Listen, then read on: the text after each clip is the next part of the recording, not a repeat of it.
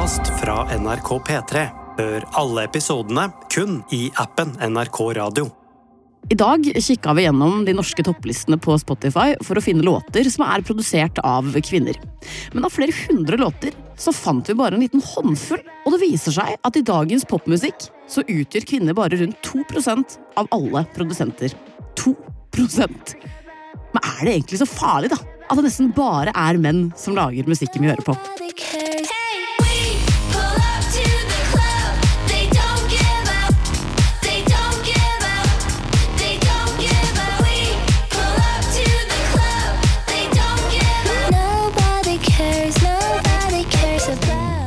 Gucci, kald jente, du er rett og slett sjelden vare. Her du sitter og er både produsent og tilfeldigvis også kvinne. Hvordan føles egentlig det? Det føles jo ganske stort. Jeg er veldig beæra av å være her i dag. Du har produsert artister som eh, Rebmo og Lokøy, og har vært eh, med som musikkprodusent i Norges nye megahit på TV 2.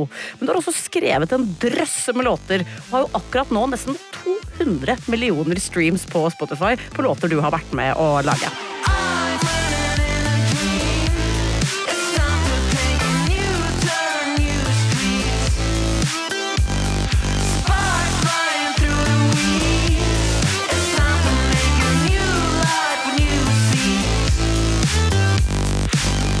Men med tanke på den musikken du faktisk skriver og produserer i dag, så synes jeg at din inngang til å begynne å spille selv, den var kanskje litt overraskende. Kan du beskrive hvem du var da du så School of Rock for første gang, og hva det gjorde med deg? Åh, jeg var mitt beste jeg som eh, tolvåring. Som bare hadde veldig, veldig mye på hjertet. Og så så jeg School of Rock, og jeg så at det var andre 12-13-åringer som sto der og spilte et instrument, og bare De fikk så mye følelser ut, og jeg bare tenkte sånn Det er meg. Det er meg. Jeg skal være alle de. Jeg har så lyst til å være alle disse her folka, for de er så kule.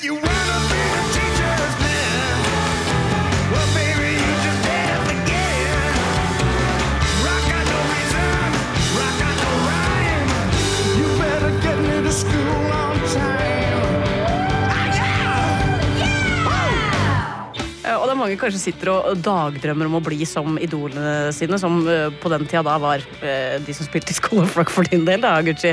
Eh, så blir det jo ofte med, med drømminga. Men du er litt mer handlekraftig. Hva skjedde egentlig etter at du hadde sett denne filmen? Jeg har jo veldig lav impulskontroll, så jeg gikk direkte til musikkbutikken i Lyngdal, og så kjøpte jeg meg en sånn klassisk nylonstrenger og så en bok som het Spill gitar. Det var sånn one, two, three steps av gitar, og der var det liksom Tom Dooley på full guffe liksom hele døgnet. Det er liksom det, det, det, a, a, a, det, det, det. Og det var Jeg satt og gjorde det time inn og time ut, og jeg virkelig sånn kjente at sånn Nå er jeg musiker det her er litt gøy, fordi jeg også hadde samme opplevelse med School of Rock. Og Tom Dooley var også den første låta jeg lærte meg på gitar i, i musikkrommet. Altså ja. faktisk i musikkrommet på skolen. Men hvordan går det egentlig med deg og Tom Dooley til slutt? Um, etter sånn uh, iherdig øving på Tom Dooley, 24 timer i døgnet i jeg vil si tre år i strekk, så følte jeg meg da god nok til å liksom gjøre hele UKM turneen, som alle gjør, eh, melder seg på UKM med et coverband som virkelig ikke er bra nok til å spille Metallica. Eh, som var det man alltid endte opp med å spille. Det var liksom Whisky in the Jar. Så var det Sweet Child of Mine. Og når du egentlig sliter fortsatt litt med Tom Dooley, så er kanskje ikke Sweet Child of Mine eh, veien å gå. Men eh, det bare utvikla seg fra å liksom spille i coverband og ha på seg mitt favoritt Angus Young-outfit med shorts og hele pakka. Eh, og liksom gitar som skulle i bakken og litt knuses, på en måte. Og så begynte jeg jo sånn etter hvert å skrive egen musikk og gjøre alle de tingene der. Fordi at jeg følte liksom Jeg var en veldig sånn angsty tenåring. Hadde ganske mye følelser. Og så var jeg lesbisk og bodde i bibelbeltet. Så det sier jo seg selv at det var liksom en cocktail av kanskje det verste tenårene har å by på.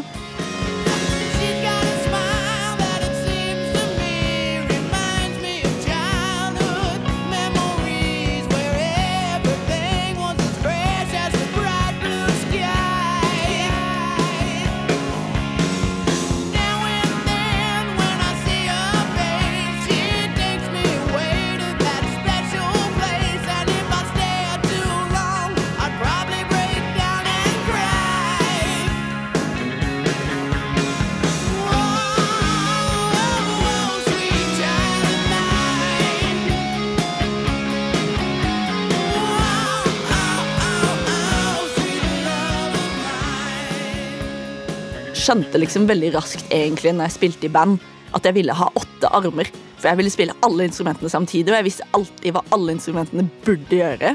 Så jeg var veldig vanskelig tror jeg, å spille i band med, og hadde liksom litt andre ambisjoner. For at når vi gikk på videregående, eller når de jeg spilte i band med, jeg var akkurat ferdig med videregående, og de ikke var det, så var jeg sånn Vi må jo slutte på videregående.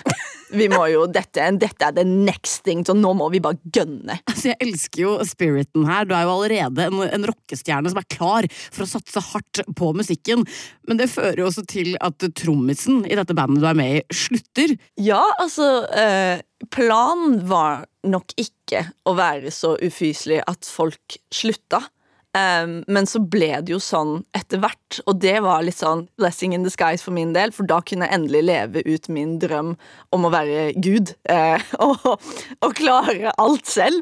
Jeg tror det er så mange som kjenner seg igjen i det her med at man, man vil klare absolutt alt sjæl, men det er jo ikke så lett å være den allmektige guden du snakker om, og det fikk du et bevis på sjæl. Hva var det egentlig som skjedde første gangen du skulle prøve å prodde noe? I mitt hode, det du alltid hører om elektronisk musikk, er at det er veldig lett, for at du bare trykker på en knapp. Og det hadde jeg liksom tatt inn over meg litt. Eh, så når trommisen vår slutta, så var det jo egentlig Ja, men hvem som helst kan spille tromme. Eller en tromme kan bli spilt av en app. How hard can it be? Og vi hadde en konsert om typ tre uker eller et eller annet sånn. Og da tenkte jeg sånn, det er jo god tid til at jeg skal få denne her appen til å bare spille trommer for meg. Det er jo null stress. Så jeg kjøpte Ableton eh, for alle liksom sparepengene mine. Fordi at alle sa liksom dette, hvis du skal spille live, så er det Ableton som gjelder. Så jeg bare ok, I'm listening to the professionals. Kjøpte Ableton. Jeg, seriøst, jeg gråt i tre dager. Fordi at jeg skjønte ikke hvordan å bruke det. Det var så mye knapper. Det var veldig sånn stygt. Det så ut som sånn gammel 1997 Windows, eh, Microsoft Word-type greie. Og jeg, virkelig sånn, jeg var så stressa fordi at vi hadde liksom typ en konsert på Skilden konserthus i Kristiansand, som var liksom kanskje noe av det største eh, vi noensinne hadde gjort. Og det var bare eh, en av de tyngste tidene i livet mitt. Det her er altså fordi du trodde at, at prodding egentlig var lett? Alle sa jo det. Alle sa jo 'Avicii, det er jo ikke musikk, det er jo ikke en musiker som sitter der'. Jeg bare nei, du har så rett. Eh, og så kom jo den brutale realiteten og, og, og, slo deg hardt i fjeset. Men du klarte jo å levere eh, til slutt her, da. Hva følte du om, om det å være produsent da, i de tidlige produsentdager? Det er liksom veldig eh, veldig todelt. For det var liksom nettopp den følelsen av sånn Wow, dette her liksom får jeg jo til. Eh, samtidig som det var liksom de derre slag på slag i trynet der hvor du skjønner at sånn, dette her kan jeg jo ikke i det hele tatt. Så det tok på en måte egentlig litt tid før jeg turte å kalle meg produsent, for jeg følte liksom at det var noe de flinke gjorde, og jeg var tydeligvis, eller avviselig, ikke flink nok.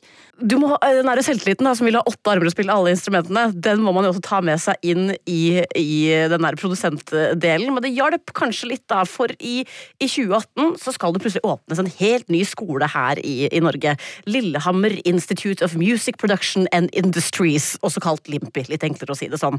Og hva er det som skjer med deg da, egentlig? Jeg ble så gira når jeg så at Stargate, selveste Stargate skulle ha liksom en skole i Norge, og det var så store løfter, og her skal du kunne alt som er verdt å vite om musikkindustrien på ett år. Og jeg tenkte perfekt for meg. Dette er jo akkurat det jeg trenger. Og det som er helt sinnssykt, var egentlig hvor cocky jeg var på en måte i selve sånn, eh, min sånn applikasjonsbrev eller whatever. For det var sånn, du måtte sende inn musikken din, og så måtte du sende inn din motivasjon for å ville være der. Og jeg var sånn helt på liksom sånn Ja, hvis ikke dere slipper meg inn nå, så ses vi om tre år på The Grammys, liksom. Det var liksom min sånn mic drop moment. Det verste var at jeg var helt sånn Jeg kommer inn. Jeg kommer, selvfølgelig kommer jeg inn på denne skolen, og det var over 400 som søkte. Jeg fikk jo ikke svar før liksom sånn tre uker før skolen begynte. Og jeg var like sånn, jeg hadde like mye selvtillit på at jeg skulle komme inn. Eh, og i ettertid så har liksom mentorene fortalt meg at sånn Du var sånn wildcard. Du var liksom Du var bottom, bunnen av bunken, men vi var litt sånn Vi lette etter noe rart, for det, var flere folk som sto i kø foran deg. Eh, som egentlig var mye flinkere. Det var litt det at du skulle på The Grammys, som solgte det inn. Men her beviser jo at den selvtilliten eh, virkelig, virkelig hjelper, da. Og så er det kanskje noe at det var noe, noe ærlig og ekte ved deg, eh, Gucci. Eh, for når du er ferdig på Limpi, så blir altså en av låtene du har vært med på å, å skrive, den det blir plukka opp av de to superstjernene Tate McRae og Alligator. I've been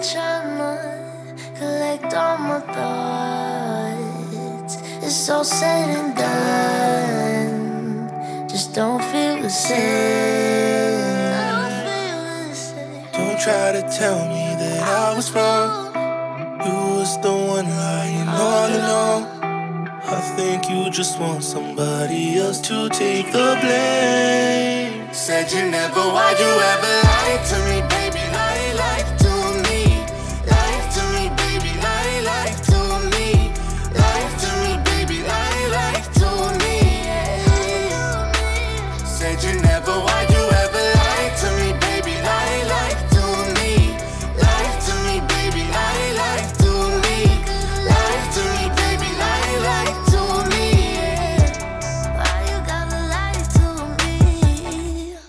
Men da blir jeg jo litt nysgjerrig.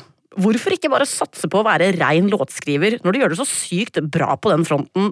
Hvorfor, hvorfor bare må du bli produsent i tillegg? Jeg tror det egentlig handler mest om at uh, uh, Jeg følte at jeg hadde mer å gi, på en måte. Og sånn, og dette, dette kommer til å høres helt sykt ut, og dette må dere bare klippe bort, men jeg vet at jeg er en dritgod låtskriver. Uh, sånn det, det, det syns jeg. Det, og det føler jeg jeg har lov til å si. Vi skal ikke klippe bort det, kan jeg love deg. Men jeg, jeg elsker å skrive, og det er jo ikke sånn at jeg sitter og føler på dette Messias-komplekset hver dag. liksom. Men det er sånn overall så kan jeg liksom objektivt si jeg syns jeg er en flink låtskriver. Altså, Du var jo til og med Spellemann-nominert i 2021 i kategorien pop, for du har skrevet masse låter sammen med Lemetre.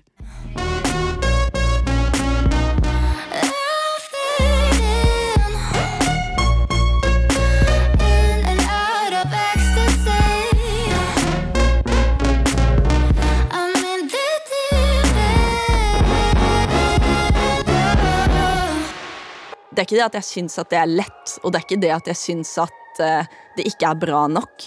Men jeg elsker musikkproduksjon. Jeg syns det er dritgøy. Jeg syns at jeg har noe å gi der. Jeg syns at jeg har ideer som kanskje er litt, litt rare, litt interessante. Noe som gjør det på en måte litt spennende. Så jeg følte egentlig rett og slett at jeg hadde mer å gi, og så var det jo sånn Ikke sant, jeg har jo gått fra å på en måte bruke så mye av tiden min på musikkproduksjon med å spille i band og lage låter på en måte ganske alene eller med personen jeg spilte i band med. Så bare plutselig så kom det liksom til et punkt der jeg bare stoppa med det. For igjen da, jeg var jo ikke god nok. Produksjon var jo noe de flinke gjorde. Og så merka jeg at de gangene jeg bare hadde det gøy i studio med vennene mine, og der vi bare skrev en låt, og der hvor jeg produserte, for dette var lavterskel, vi trengte ikke å ha noen flinke i studio, så ble de låtene dritbra.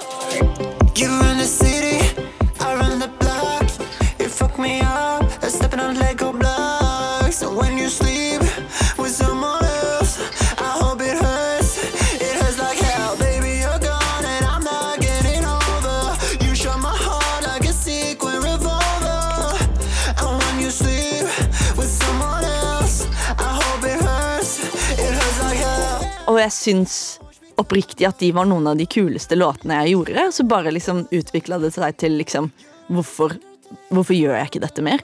Er det bare fordi at jeg har dårlig selvtillit? Og så var det òg liksom rent sånn Jeg følte at som låtskriver så er det liksom vanskelig å på en måte bli tatt inn i ting hvis du på en måte ikke synger selv. Og sånn, Jeg synger på en måte litt, men jeg er ikke sånn jeg er ikke en god sånn pitch-artist at liksom, vi pitcher min stemme til Ariana Grande. Men jeg har faktisk andre ting å spille på. Jeg har faktisk noe mer jeg kan gi. Og så er det jo Det var liksom det å være litt ukomfortabel, og det prøver jeg å søke så mye som mulig. Og bare sette meg i situasjoner der jeg er ukomfortabel, fordi at du blir så mye Du blir flinkere av det. Du blir mer herda. What if I question what you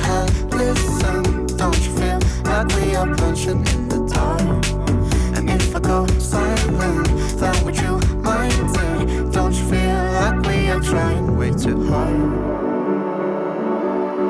You know, you know, you know, you don't talk, so I never know what I'm doing wrong, and it goes in limbo. You know, you know, you know, you don't talk, so how could I try to pick it apart, and it goes in limbo.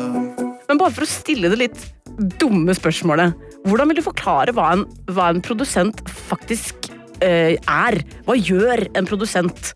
Jeg føler en produsent kan komme i mange former og fasonger i, um, med tanke på liksom hvilket konkret arbeid de gjør, men jeg føler at liksom den røde tråden inni dette er på en måte å på en måte skjønne hva låta er.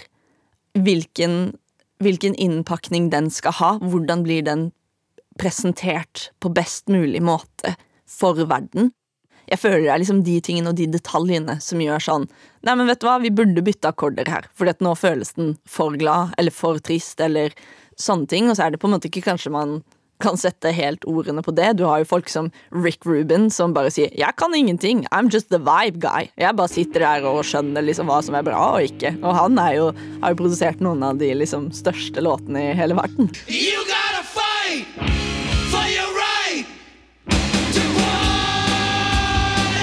Det er jo på et vis historiefortelling å, produsere musikk, og det er jo kanskje derfor det også er viktig da, å få eh, historiefortelling fra et, et kvinnelig perspektiv, eller fra eh, erfaring som kvinner har, som kanskje ikke menn har. og Det er kanskje derfor også den representasjonen er, er viktig. da.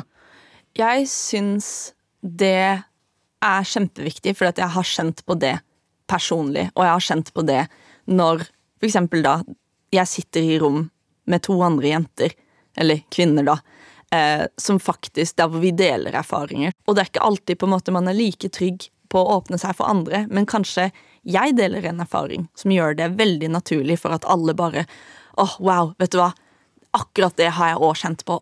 Og sånn i all hovedsak, med produksjon, med låtskriving, du skal få det beste ut av alle i rommet.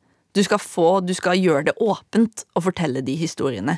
Hvis ikke du kanskje skjønner òg hvor mye det tar av en person å gjerne fortelle den historien, eller skjønner tyngden av de tingene. Eller bare gleden av noe. Liksom, det trenger jo ikke bare være triste ting som kommer ut av det. Men jeg har opplevd så mange ganger der hvor jeg har liksom vært i studio med andre, der de er helt sånn Dette her har aldri skjedd meg før. Jeg har aldri vært i et studio der hvor det bare er kvinner samla på ett sted. Wow, denne her sangen tror jeg aldri ville skrevet. Eller jeg er så glad for at vi brukte tid på dette, fordi at jeg Jeg hadde ikke turt det hvis ikke. Det her syns jeg er veldig det synes jeg er veldig sterkt å, å høre på, og det beviser hvorfor vi trenger mange forskjellige mennesker inn i en kreativ prosess for å lage musikk. Hvis ikke så er det jo så mange historier som ikke hadde blitt fortalt. So let the tide in or leave me for the wolf.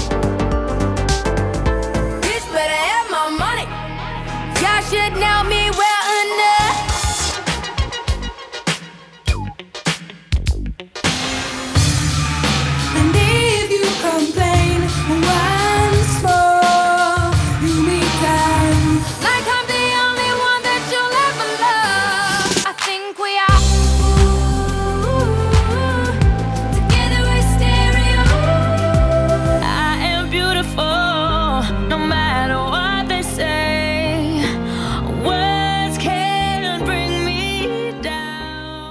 låtene du hører her, de er produsert av kvinner.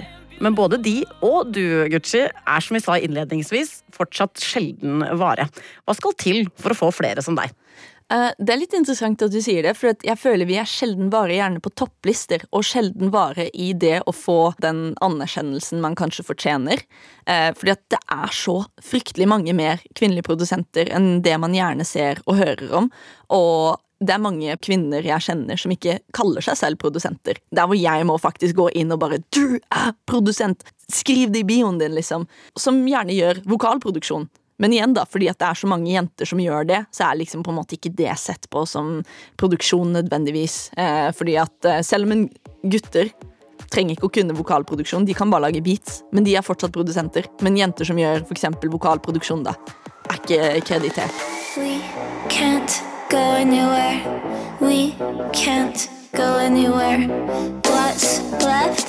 Мне так скучно. Дискотека в гараже. Диско, диско. Диско, диско. Диско, диско. diskotek av garager. Men i tillegg så er det liksom mange som på en måte flyr under radaren nettopp fordi at de ikke tør å ta det steget. Fordi at de ikke finner gjerne sin gjeng eller sin plass. Eller litt sånn de tingene som jeg har snakka om der hvor det er sånn Ja, man, man føler seg ikke god nok. Jeg tror på en måte for at vi skal bli flere, så må vi kollektivt avskaffe den ideen av å være god nok. Du blir bare god nok av å få muligheter som du ikke var klar for. I've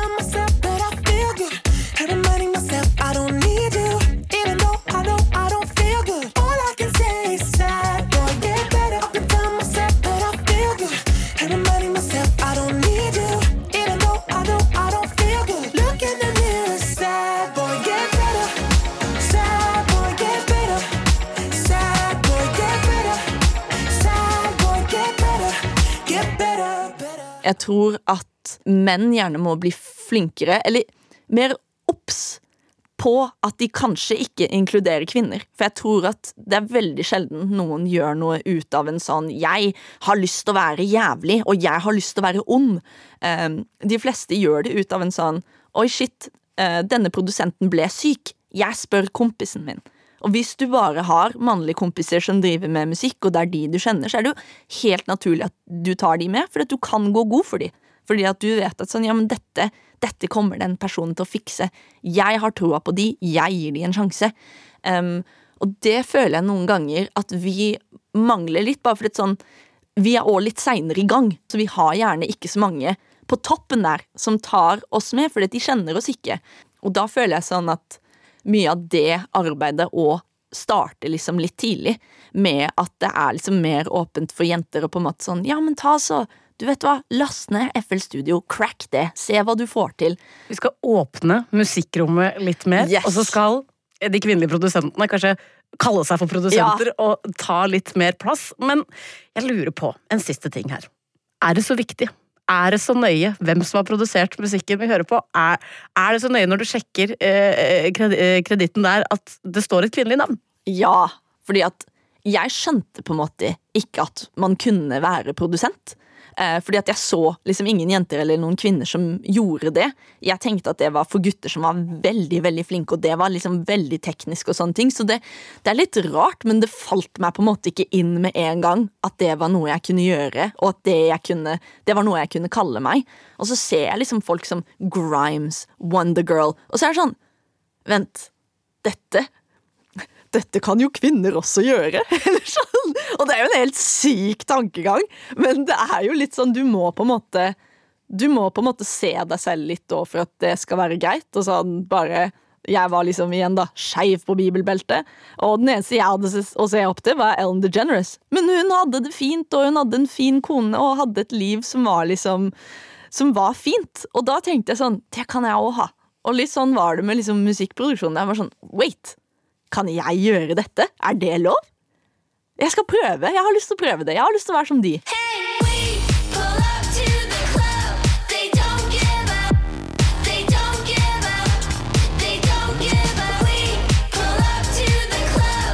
They don't give up. Nobody cares. Nobody cares about us. Du har hørt en episode av Musikkrommet. Tips gjerne en venn eller en produsentspire om denne episoden. Tusen takk til Gucci Caliente. Denne episoden er laget av Jean Kristin Sena, Janne Monsen Tveit, Marianne Myrhol, Amund Grepperud, Tage Tollefsen, Nils Vingrei og meg, Anna Nord Sørensen. Redaksjonssjef er Ida Eline Tangen. They don't give up. They don't give up. We pull up to the club. They don't give up. Nobody cares. Nobody cares about us. Du har hørt en podkast fra NRK P3. Hør alle episodene kun i appen NRK Radio.